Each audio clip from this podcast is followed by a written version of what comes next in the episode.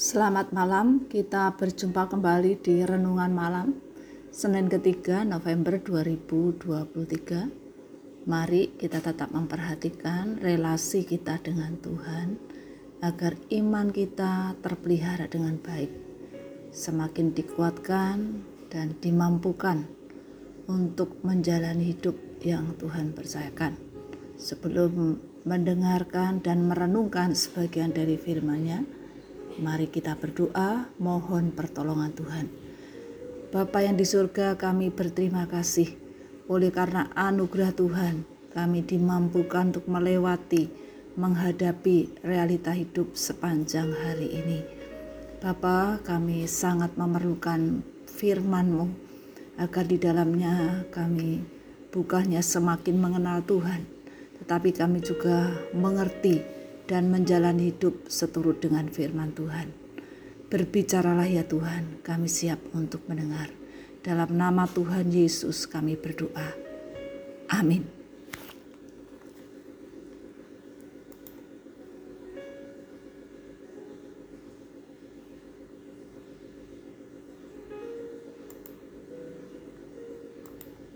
Lukas pasal 6 Pada suatu hari sabat, Ketika Yesus berjalan di ladang gandum, murid-muridnya memetik bulir gandum dan memakannya, sementara mereka menggisarnya dengan tangannya. Tetapi beberapa orang Farisi berkata, Mengapa kamu berbuat sesuatu yang tidak diperbolehkan pada hari Sabat? Lalu Yesus menjawab mereka, Tidakkah kamu baca apa yang dilakukan oleh Daud ketika ia dan mereka yang mengikutinya lapar? Bagaimana ia masuk ke dalam rumah Allah dan mengambil roti sajian, lalu memakannya dan memberikannya kepada pengikut-pengikutnya, padahal roti itu tidak boleh dimakan kecuali oleh imam-imam. Kata Yesus lagi kepada mereka, Anak manusia adalah Tuhan atas hari sabat. Pada suatu hari sabat lain, Yesus masuk ke rumah ibadat lalu mengajar. Di situ ada seorang yang mati tangan kanannya. Ahli-ahli Taurat dan orang-orang Farisi mengamat-amati Yesus. Kalau-kalau ia menyembuhkan orang pada hari Sabat, supaya mereka dapat alasan untuk mempersalahkan dia. Tetapi ia mengetahui pikiran mereka, lalu berkata kepada orang yang mati tangannya itu, "Bangunlah, dan berdirilah di tengah. Maka bangunlah orang itu dan berdiri. Lalu Yesus berkata kepada mereka, Aku bertanya kepada kamu, manakah yang diperbolehkan pada hari sabat? Berbuat baik atau berbuat jahat, menyelamatkan nyawa orang, atau membinasakannya? Sesudah itu, ia memandang keliling kepada mereka semua. Lalu berkata kepada orang sakit itu, "Ulurkanlah tangan." Orang itu berbuat demikian, dan sembuhlah tangannya. Maka meluaplah amarah mereka. Lalu mereka berunding, apakah yang akan mereka lakukan terhadap Yesus? Pada waktu itu, pergilah Yesus ke bukit untuk berdoa, dan semalam-malaman ia berdoa kepada Allah.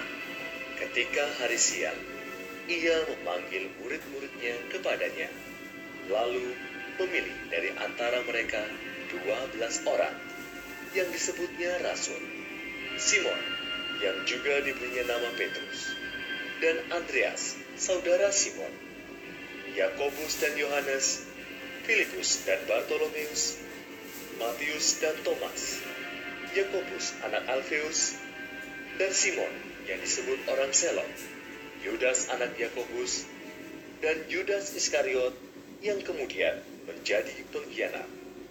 Lalu ia turun dengan mereka dan berhenti pada suatu tempat yang datar. Di situ berkumpul sejumlah besar dari murid-muridnya dan banyak orang lain yang datang dari seluruh Yudea dan dari Yerusalem dan dari daerah pantai Tirus dan Sidon. Mereka datang untuk mendengarkan dia dan untuk disembuhkan dari penyakit mereka.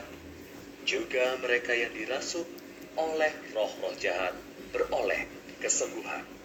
Dan semua orang banyak itu berusaha menjamah dia, karena ada kuasa yang keluar daripadanya, dan semua orang itu disembuhkannya. Lalu Yesus memandang murid-muridnya dan berkata, Berbahagialah, hai kamu yang miskin, karena kamulah yang empunya kerajaan Allah. Berbahagialah, hai kamu yang sekarang ini lapar, karena kamu akan dipuaskan.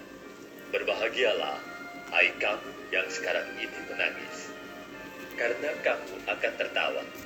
Berbahagialah kamu, jika karena anak manusia orang membenci kamu, dan jika mereka mengucilkan kamu dan mencela kamu, serta menolak namamu sebagai sesuatu yang jahat. Bersukacitalah pada waktu itu, dan bergembiralah, sebab sesungguhnya upahmu besar di surga.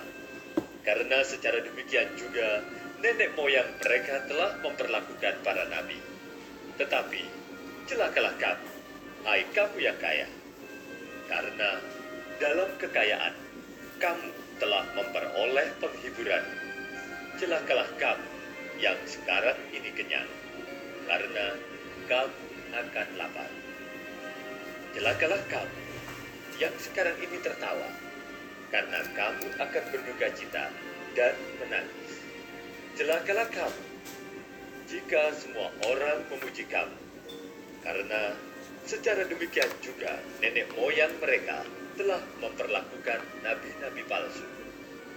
Tetapi kepada kamu yang mendengarkan aku, aku berkata, kasihilah musuhmu, berbuatlah baik kepada orang yang membenci kamu, mintalah berkat bagi orang yang mengutuk kamu, berdoalah bagi orang yang mencaci kamu. Barang siapa menampar pipimu yang satu, berikanlah juga kepadanya pipimu yang lain. Dan barang siapa yang mengambil jubah, biarkan juga ia mengambil baju. Berilah kepada setiap orang yang meminta kepadamu, dan janganlah meminta kembali kepada orang yang mengambil kepunyaanmu. Dan sebagaimana kamu kehendaki supaya orang perbuat kepadamu, perbuatlah juga demikian kepada mereka. Dan jikalau kamu mengasihi orang yang mengasihi kamu, apakah jasamu? Karena orang-orang berdosa pun mengasihi juga orang-orang yang mengasihi mereka. Sebab, jikalau kamu berbuat baik kepada orang yang berbuat baik kepada kamu, apakah jasamu? Orang-orang berdosa pun berbuat demikian. Dan jikalau kamu meminjamkan sesuatu kepada orang, karena kamu berharap akan menerima sesuatu daripadanya, apakah jasamu? Orang-orang berdosa pun meminjamkan kepada orang-orang berdosa, supaya mereka menerima kembali sama banyak. Tetapi kamu, kasihilah musuhmu, dan berbuatlah baik kepada mereka, dan pinjamkan dengan tidak mengharapkan balasan. Maka upahmu akan besar, dan kamu akan menjadi anak-anak Allah yang maha tinggi, sebab ia baik terhadap orang-orang yang tidak tahu berterima kasih dan terhadap orang-orang jahat. Hendaklah kamu murah hati, sama seperti Bapamu adalah murah hati. Janganlah kamu menghakimi, maka kamu pun tidak akan dihakimi. Dan janganlah kamu menghukum, maka kamu pun tidak akan dihukum. Ampunilah, dan kamu akan diampuni berilah, dan kamu akan diberi. Suatu takaran yang baik, yang dipadatkan, yang digoncang, dan yang tumpah keluar akan dicurahkan ke dalam ribaan. Sebab ukuran yang kamu pakai untuk mengukur akan diukurkan kepadamu. Yesus mengatakan pula suatu perumpamaan kepada mereka. Dapatkah orang buta menuntun orang buta Bukankah keduanya akan jatuh ke dalam lubang? Seorang murid tidak lebih daripada gurunya. Tetapi barang siapa yang telah tamat pelajarannya akan sama dengan gurunya. Mengapakah engkau melihat selumbar di dalam mata saudaramu, sedangkan balok di dalam matamu sendiri tidak engkau ketahui, bagaimanakah engkau dapat berkata kepada saudaramu, Saudara, biarlah aku mengeluarkan selumbar yang ada di dalam matamu. Padahal, balok yang di dalam matamu tidak engkau lihat, hai orang munafik. Keluarkanlah dahulu balok dari matamu, maka engkau akan melihat dengan jelas untuk mengeluarkan selumbar itu dari mata saudaramu. Karena tidak ada pohon yang baik yang menghasilkan buah yang tidak baik. Dan juga tidak ada pohon yang tidak baik yang menghasilkan buah yang baik. Sebab setiap pohon dikenal pada buahnya. Karena dari semak duri, orang tidak memetik buah ara. Dan dari duri-duri tidak memetik buah anggur. Orang yang baik mengeluarkan barang yang baik dari perbendaharaan hatinya yang baik. Dan orang yang jahat mengeluarkan barang yang jahat dari perbendaharaannya yang jahat. Karena yang diucapkan mulutnya meluap dari hatinya. Mengapa kamu berseru kepadaku, Tuhan, Tuhan, padahal kamu tidak melakukan apa yang aku katakan? Setiap orang yang datang kepadaku dan mendengarkan perkataanku serta melakukannya, aku akan menyatakan kepadamu dengan siapa ia dapat disamakan. Ia sama dengan seorang yang mendirikan rumah. Orang itu menggali dalam-dalam dan meletakkan dasarnya di atas batu. Ketika datang air bah dan banjir melanda rumah itu, rumah itu tidak dapat digoyahkan karena rumah itu kokoh dibangun. Akan tetapi barang siapa mendengar perkataanku tetapi tidak melakukannya, ia sama dengan seorang yang mendirikan rumah di atas tanah tanpa dasar. Ketika banjir melandanya, rumah itu segera rubuh dan hebatlah kerusakannya. Dalam bagian ini, Kristus menunjukkan maksudnya dari perintah keempat yang berbunyi, "Ingatlah dan kuduskanlah hari Sabat." Allah melarang bekerja pada hari Sabat, tetapi hukum Taurat memerintahkan manusia untuk berbelas kasihan dan melakukan pekerjaan-pekerjaan yang diperlukan. Kita diingatkan perlu waspada terhadap kecenderungan manusia secara umum mentaati hukum Allah, tetapi mengabaikan inti dari hukum Tuhan. Perlu kita renungkan bagaimana tradisi tentang hari Sabat membuat manusia mengabaikan firman Allah. Memakapa memegang hari Sabat di bawah ketuhanan Kristus merupakan suatu berkat. Pengajaran Yesus menunjukkan hal yang penting untuk setiap orang percaya. Tetapi yang sering menghalangi ketidakpercayaan alamiah kita adalah kesombongan. Mari kita renungkan apakah Tuhan telah membuat kita merasa lapar secara rohani. Apakah Dia telah membuat kita berduka atas dosa dan rasa bersalah karena pelanggaran terhadap firman Allah? Jika Allah telah mengerjakan hal ini, Dia membuat kita tetap dekat dan membutuhkan pertolongannya supaya di dalam Kristus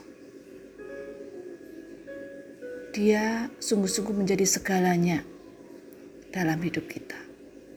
Perhatikan pujian yang Yesus berikan kepada orang yang membangun rumahnya di atas batu karang.